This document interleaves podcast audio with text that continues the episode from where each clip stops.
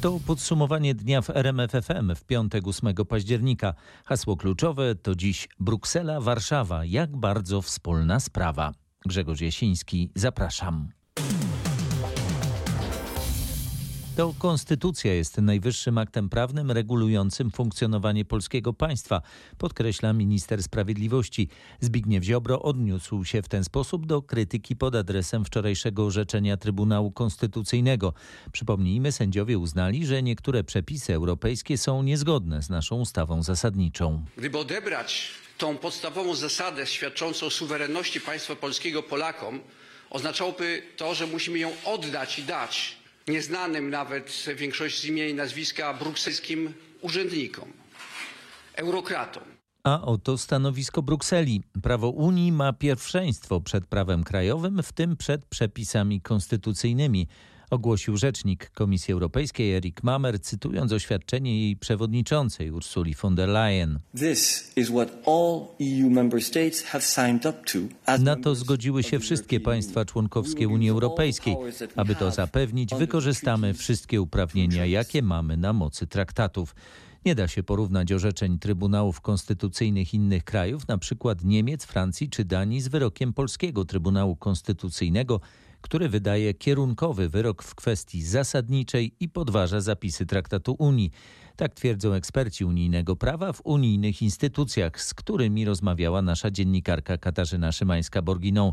Wiceszef MSZ Paweł Jabłoński powoływał się w porannej rozmowie w RMFFM na wyroki Trybunałów Konstytucyjnych innych krajów i podkreślał, że nie wywołują takich emocji. Tego rodzaju emocji nie było, o ile dobrze pamiętam, w żadnym innym kraju, w którym y, tego rodzaju orzeczenia zapadały. A takie orzeczenia mieliśmy w Niemczech w zeszłym roku, mieliśmy wcześniej w Danii, mieliśmy w Czechach, w tym roku we Francji na przykład. Nie, Rada Stanu francuska powiedziała, że Trybunał Sprawiedliwości Unii Europejskiej ingeruje w konstytucyjny porządek i nie należy implementować jego wyroku. Tak, tylko Francja zostaje w Unii Europejskiej pani, i chyba nie zamierza wychodzić. Pani... Nad ustawami krajowymi prawo międzynarodowe oczywiście ma pierwszeństwo, ale nad normami konstytucyjnymi pierwszeństwa nie ma i to jest oczywiste Dobrze. dla wszystkich rządów w całej Europie. O co dokładnie chodziło we Francji, przypomina nasz korespondent w Paryżu Marek Gładysz. We Francji w kwietniu tego roku Rada Państwa, czyli najwyższa instancja sądownictwa administracyjnego, wydała orzeczenie, w którym uznała, że zalecenia Trybunału Sprawiedliwości Unii Europejskiej w sferze ograniczeń dotyczących przechowywania informacji na temat połączeń telefonicznych i internetowych osób prywatnych są w dużej części niezgodne z konstytucją i w związku z tym zostaną tylko w niewielkiej części wprowadzone w życie. Rada Stanu wyjaśniła, że jej decyzja podyktowana jest interesem narodowym, a ściśle mówiąc troską o skuteczność walki z terroryzmem i przestępczością. Decyzja ta była zresztą zgodna z opinią francuskiego rządu, który ostro krytykował Europejski Trybunał Sprawiedliwości. Dlaczego unijni eksperci nie widzą tu analogii? W innych krajach chodziło o cząstkowe problemy. W Niemczech Trybunał Konstytucyjny podważył prawo Unii w sprawie skupu obligacji przez Europejski Bank Centralny, a we Francji chodziło o zbieranie danych przez operatorów komórkowych. W Polsce chodzi o podważenie kluczowych zapisów Traktatu Unii, wyłączenie zapisów artykułu 19 ze stosowania przez polskie sądy. Nigdzie indziej nie zapadło porównywalne orzeczenie, które wyłączałoby stosowanie pewnych artykułów Traktatu Unii na terenie kraju. Jest to ogromna jakościowa różnica. Żadnemu sądowi sądowi niemieckiemu nie zakazuje się na przykład orzekania na podstawie prawa Unii. W dodatku rządy tych krajów dystansują się, próbują rozwiązać problem, a nie same wnioskują do trybunałów konstytucyjnych. Na terenie tych krajów orzeczenia CUE są wykonywane. To, że trybunały konstytucyjne potwierdzają, że konstytucja jest najważniejsza, nie jest największym problemem. Problemem jest konflikt, jaki został wywołany między krajowym porządkiem a unijnym, traktatowym. Informuje nasza korespondentka Katarzyna Szymańska-Borginą. Wyrok Trybunału Konstytucyjnego to jakościowo nic nowego. To tylko kolejny etap sporu prawnego z Unią Europejską, ale pieniądze na odbudowę gospodarki po pandemii na pewno dostaniemy, przekonywał w RMFFM wiceminister spraw zagranicznych Paweł Jabłoński. To jest ale element presji politycznej, myśmy to już, proszę pana, w kinie widzieli, nie w telewizorze raczej, nawet nie w kinie. Nie mamy pańskiego płaszcza i co nam pan zrobisz? Gwarantuję panu i gwarantuję naszym słuchaczom, że te rozmowy doprowadzą do osiągnięcia do tego, pozytywnego płaszcz. i że dadzą ten płaszcz, że to się pojawi może nie jutro, może nie za tydzień, ale się pojawi. Także unijny komisarz do spraw rolnictwa Janusz Wojciechowski, którego pytaliśmy dziś w Warszawie o ewentualne wstrzymanie europejskich środków dla Polski w obliczu wczorajszej decyzji Trybunału, nie podziela tu obaw. Nie widzę tutaj zagrożenia, nie widzę najmniejszego zagrożenia dla funduszy, które są przewidziane dla polskich rolników. Przypomnijmy, Polska cały czas czeka na pieniądze z Unijnego Funduszu Odbudowy. Na polsko-białoruskim pograniczu dochodzi do prowokacji ze strony Mińska, informuje Straż Graniczna.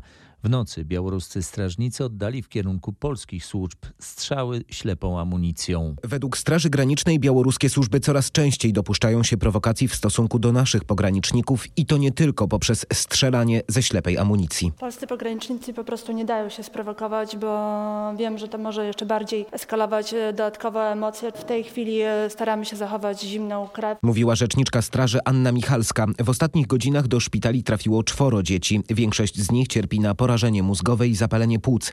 Pogranicznicy zapewniają, że przyjęli od rodzin wnioski o azyl.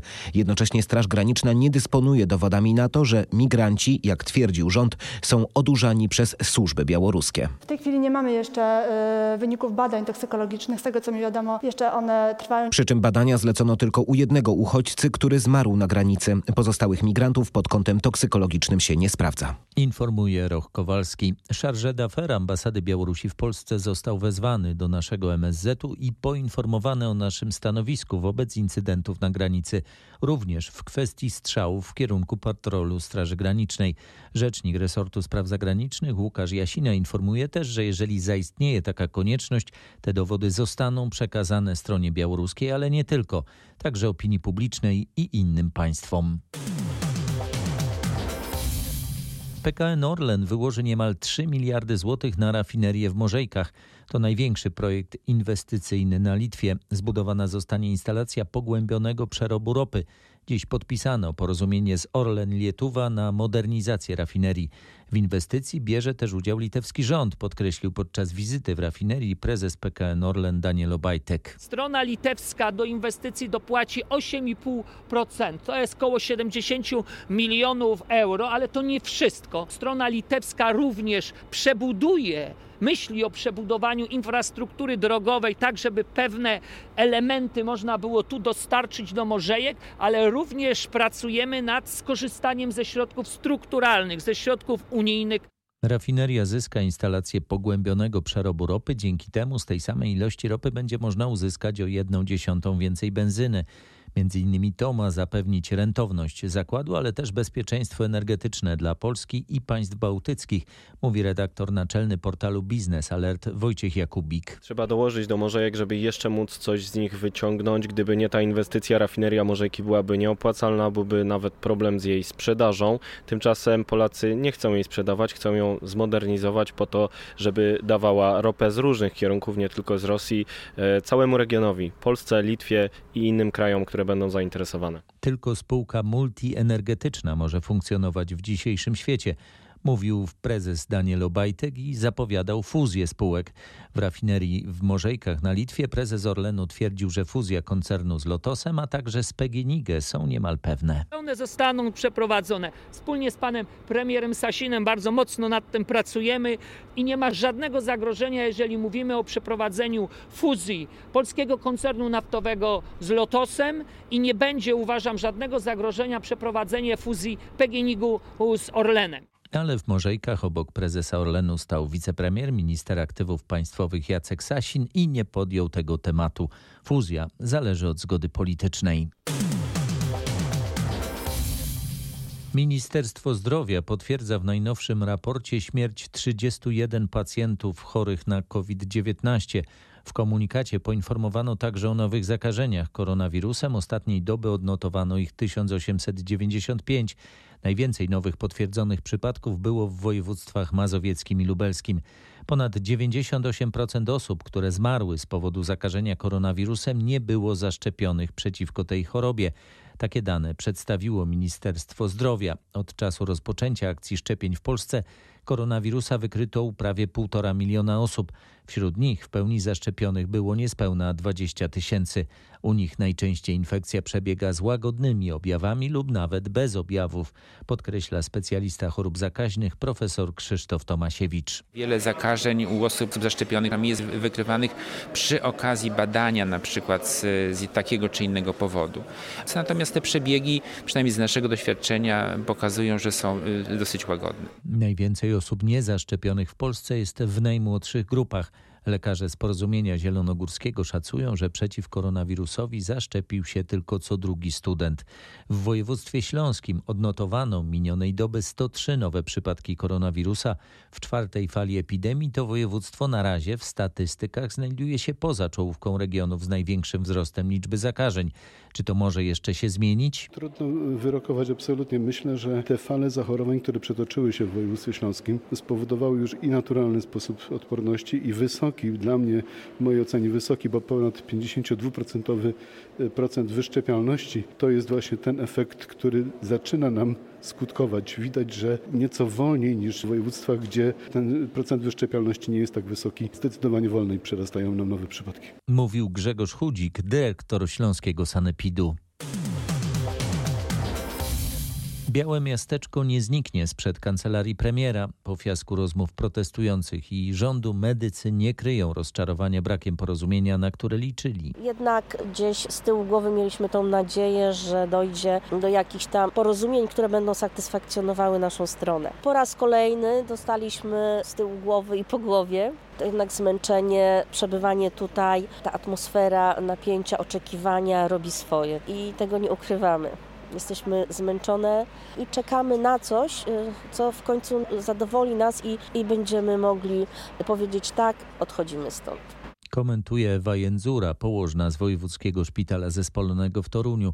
Młodzi solidarni z protestem medyków pod takim hasłem w sobotę w dziewięciu polskich miastach, a w niedzielę w Białymstoku zaplanowano manifestacje solidarnościowe. Wezmą w nich udział m.in. studenci kierunków medycznych, pracownicy ochrony zdrowia i pacjenci. W Warszawie protestujący spotykają się przed Ministerstwem Zdrowia i o 15 ruszają w stronę Kancelarii Prezesa Rady Ministrów. Bardzo się cieszymy z tego wsparcia i jak możemy, to również dołączymy do tych marszów. Jak liczna będzie ta reprezentacja Białego Miasteczka i medyków w ogóle na tym Marszu Młodych Ludzi? Będą u nas, więc tutaj będziemy na nich czekać, a ci medycy, którzy wcześniej już byli w Białym Miasteczku i porozjeżdżali się do swoich miast, no to również będą obecni w, na tych marszach w poszczególnych miastach. Z Aleksandrą Orszulak, lekarką z Białego Miasteczka, rozmawiała Magdalena Greinert. System ratownictwa medycznego wciąż jest w stanie paraliżu w wielu miejscach w kraju. W systemie brakuje już około 10 tysięcy ratowników medycznych. Nie powiodły się wczorajsze rozmowy z częścią przedstawicieli tego zawodu. O szczegółach Marek Wiosło. Ratownicy wymieniają kilka głównych przyczyn kryzysu w ratownictwie. To m.in. brak ustawowych regulacji dla zawodów, wpisanie zawodu ratownika do ustawy i podwyżki. Kryzys to pokłosie wielu lat zaniedbań przez każdy z rządów, mówi Adrian Stanisz, ratownik medyczny. Przez wiele lat było nam obiecywane, że dostaniemy ustawę o zawodzie ratownika medycznego. Przez wiele lat czekaliśmy na ustawę o samorządzie zawodowym ratowników medycznych. Ratownicy zaczęli odchodzić z zawodu, zmieniać zawód, zmieniać pracę w, w miejscach, gdzie są bardziej szanowani, bardziej doceniani, lepiej opłacani. W Polsce jest około 15 tysięcy osób wykonujących ten zawód, ale ratownicy oceniają, że aby system działał sprawnie, brakuje około 10 tysięcy osób. W Krakowie trwa tymczasem dziewiąty kongres ratowników medycznych. Dla kogo ta impreza została zorganizowana? Dla wszystkich osób pracujących w obszarze opieki przedszpitalnej czy wczesnoszpitalnej, dla pielęgniarek, lekarzy, przedstawicieli służb mundurowych, policjantów, strażaków czy przedstawicieli wojska. Przyjeżdżają przede wszystkim po, po naukę. Przyjeżdżają, żeby nauczyć się nowych rzeczy, żeby szlifować swoje doświadczenie, jakieś umiejętności praktyczne. Kilkanaście sesji naukowych, kilkadziesiąt prezentacji z różnej tematyki, zarówno takich medycznych, jak i kwestii psychologicznych. Mówił ratownik Adrian Stanisz, jeden z organizatorów kongresu. A jutro także protest nauczycieli i pracowników oświaty w Warszawie.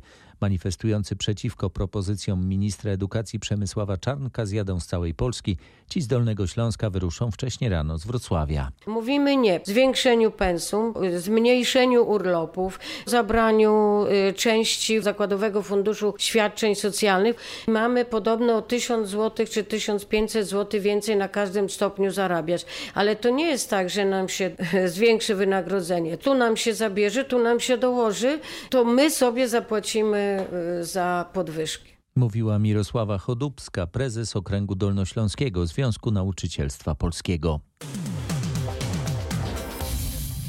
Ta nagroda może między innymi wzmocnić psychologicznie więźniów politycznych w Rosji. Tak ogłoszoną dziś decyzję o laureatach pokojowej Nagrody Nobla komentują w RMFFM polscy naukowcy. Przypomnijmy, Komitet Noblowski za wysiłki na rzecz ochrony wolności słowa docenił dwoje dziennikarzy. To Maria Risa z Filipin i Dmitrij Muratow z Rosji. Ponieważ został wskazany Dmitrij Muratow, no to Nawalny, te ruchy prodemokratyczne w Rosji mają także bardzo silny sygnał, że jesteśmy z wami, myślimy o was. Nagradzamy jednego z was, dziennikarza, za to, że walczy o to, żebyście mieli dostęp do rzetelnych informacji, a nie tylko propagandy. Czy poza symbolicznym ta nagroda może mieć też praktyczne, polityczne znaczenie? Nie zostanie stworzona pewnie jakaś międzynarodowa organizacja, bo to jest proces, ale dla prodemokratycznych ruchów jest to też taka informacja, że nie zostali sami, że ktoś na nich patrzy. Widzimy was. Komentuje dr Justyna Nakonieczna-Bartosiewicz, politolog z Uniwersytetu Warszawskiego, z którą rozmawiał nasz reporter Michał Dobrowowicz. Ta nagroda pokazuje, jak ważne jest rzetelne dziennikarstwo, dodaje profesor Paweł Łuków, dziekan Wydziału Filozofii Uniwersytetu Warszawskiego. Ja myślę, że to jest troszeczkę takie wezwanie o krytycyzm, zwłaszcza jeśli chodzi o Marię Risę, w czytaniu czy odbieraniu informacji, które do nas docierają, a z drugiej strony, jeśli chodzi o Rosję, no to jest to wskazanie na to, jak bardzo ważnymi osobami są dziennikarze. Bez mediów jesteśmy obezwładniani jako obywatele. Więcej o dorobku nagrodzonych dziennikarzy przeczytacie na rmf24.pl.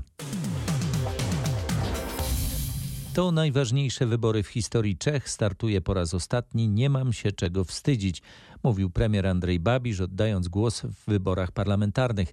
Czesi głosują do jutra do 14.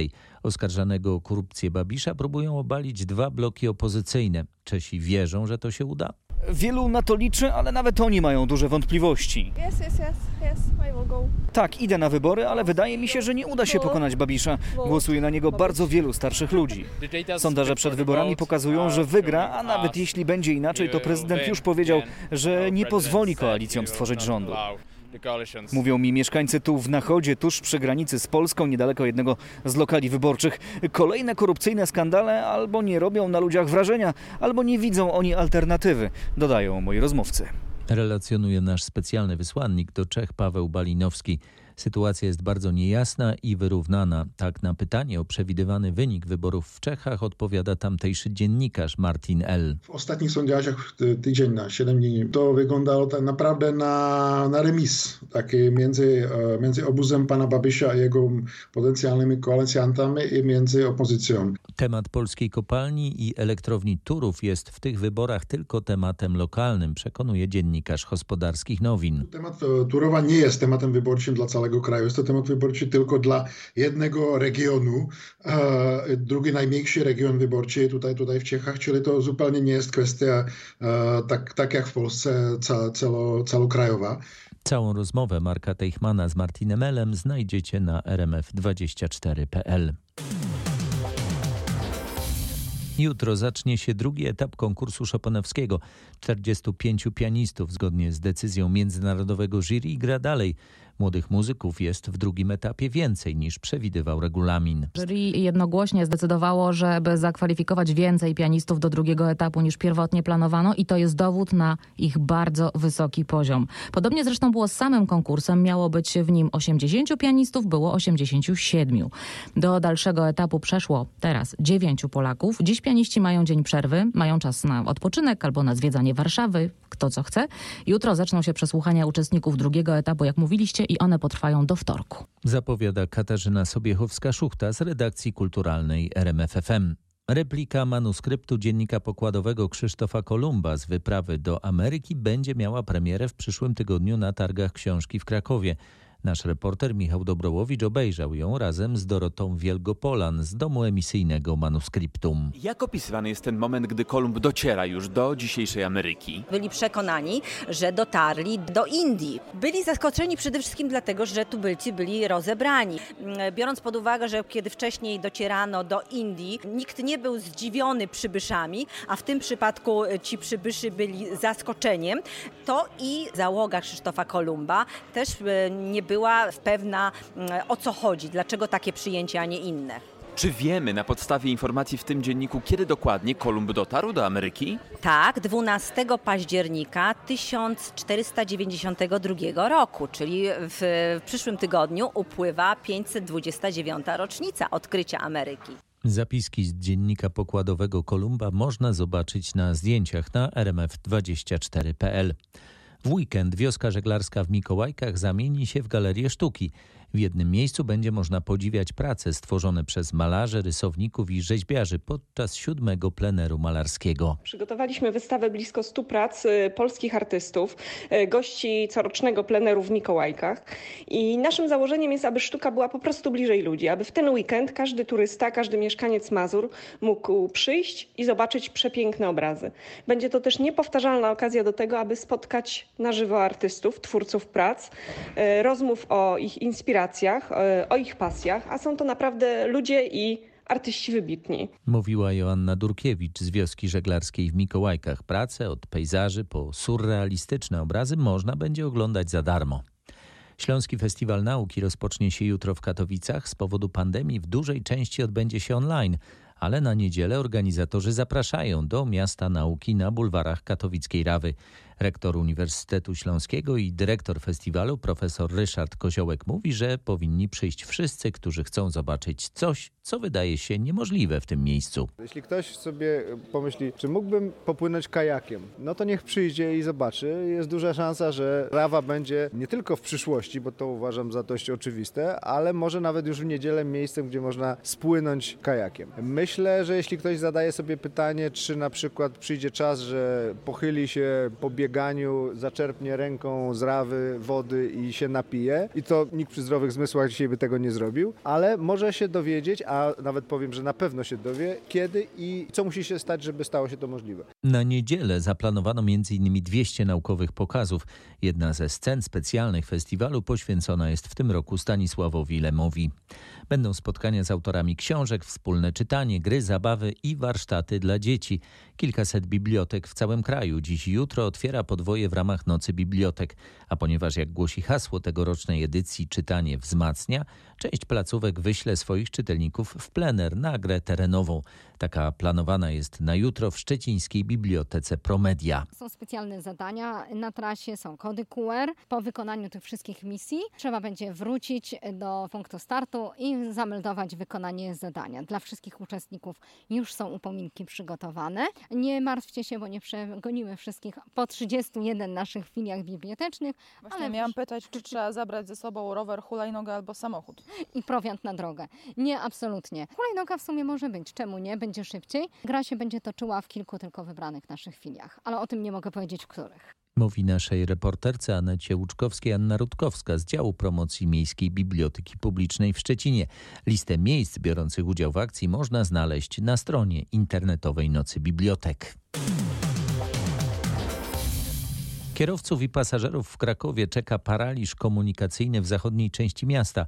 Urzędnicy niebawem chcą zacząć remont ulicy Księcia Józefa przy jednocześnie trwających innych remontach w tej samej okolicy. Już 16 października drogowcy mają zacząć pracę na ulicy Księcia Józefa. Wymieniona ma być tam nawierzchnia, pojawić się mają nowe chodniki, nowe oświetlenie, zmodernizowane mają być też przejścia dla pieszych. Problem w tym, że do wiosny potrwa remont ulicy Królowej Jadwigi. Toczy się też remont na zachodniej obwodnicy Krakowa. To trzy wielkie remonty, które trwając w tym samym czasie skutecznie mogą sparaliżować ruch dla wszystkich dojeżdżających z zachodnich przedmieść Krakowa. Urzędnicy odpowiadają wprost, że do końca roku muszą wykorzystać przyznaną rządową dotację na remont ulicy Księcia Józefa. Inaczej dotacja przepadnie, a ulica nie zostanie wyremontowana. Kolejny więc raz cierpliwość krakowskich kierowców wystawiona zostanie na próbę. Podsumowuje Marek Wiosło. Spore zmiany czekają jutro kierowców i pasażerów także w Szczecinie. W związku z remontem torów utrudnienia pojawią się w rejonie Placu Rodła. Inaczej będą jeździć samochody i miejskie autobusy, zapowiada Hanna Pieczyńska z Zarządu Dróg i Transportu Miejskiego w Szczecinie. Jeżeli chodzi o autobusy, wszystkie przystanki, które do tej pory zlokalizowane były przy hotelu Radisson i po drugiej stronie ulicy, przy ulicy Roosevelta, zostaną zlokalizowane w rejonie wyzwolenia w różnych miejscach. Mapy dostępne są już na stronie internetowej Zarządu Dróg i Transportu Miejskiego. Zachęcamy do tego, żeby przygotować się do podróży i sprawdzić, gdzie nasz przystanek autobusowy będzie. E, Jeżeli chodzi o kierowców, to oczywiście brak przejazdu właśnie wzdłuż e, ulicy Piłsudskiego, brak przejazdu przez ulicę Matejki. Nie jeździmy na pamięć i sprawdzamy, jak ta organizacja ruchu e, wygląda. Chwilowo z rozkładu znikają autobusy pospieszne A, G i H. W rejon Placu Rodła będzie można najszybciej dostać się dodatkową linią tramwajową numer 13. Te zmiany planowane są na mniej więcej trzy tygodnie. Słoneczna pogoda w Tatrach kusi do wyruszenia na szlaki turystyczne. Ale uwaga, warunki w górach są zdradliwe, a to dlatego, że bardzo się ochłodziło. Pogoda bardzo ładna, słońce świeci, góry przepięknie wyglądają w jesiennych barwach, natomiast temperatura spada poniżej zera, w związku z czym występują oblodzenia. No to w tej chwili jest największe takie zagrożenie dla turystów, którzy wybierają się w wyższe partie. Często miejsca, które wyglądają na mokre, są pokryte cienką warstwą lodu, co jest bardzo niebezpieczne, w niektórych przypadkach wręcz zgubne. Szczególnie niebezpieczne są dodatkowo miejsca na stronie takiej zacienionej. Tam ta temperatura niska utrzymuje się dłużej. Mówi ratownik dyżurny TOPR Tomasz Wojciechowski. Najazdu turystów w ten weekend spodziewają się też goprowcy w Karkonoszach. Nic dziwnego, jak mówią prognozy podczas górskich wędrówek, powinno być słonecznie. Pogoda jesienna, ale ładna. E, 7 stopni w wyższych partiach Karkonoszy, e, zdecydowanie e, chłodniej. Prośba do wszystkich o odpowiednie przygotowanie się do wyjść w góry, o przestrzeganie e, podstawowych zasad bezpieczeństwa, odpowiednie e, przygotowanie e, swoich plecaków, a także no, taka informacja dotycząca tego, że dzień mamy już coraz krótszy, w związku z tym planowanie swoich wyjść w miarę wcześnie po to, żeby jeszcze za dnia wrócić Przypomina Grzegorz Tarczewski, zastępca naczelnika karkonoskiej grupy GOPR. Tyle na dziś. Kolejne podsumowanie dnia w RMFFM w poniedziałek wieczorem. Grzegorz Jasiński, dziękuję. Dobrej nocy, miłego weekendu.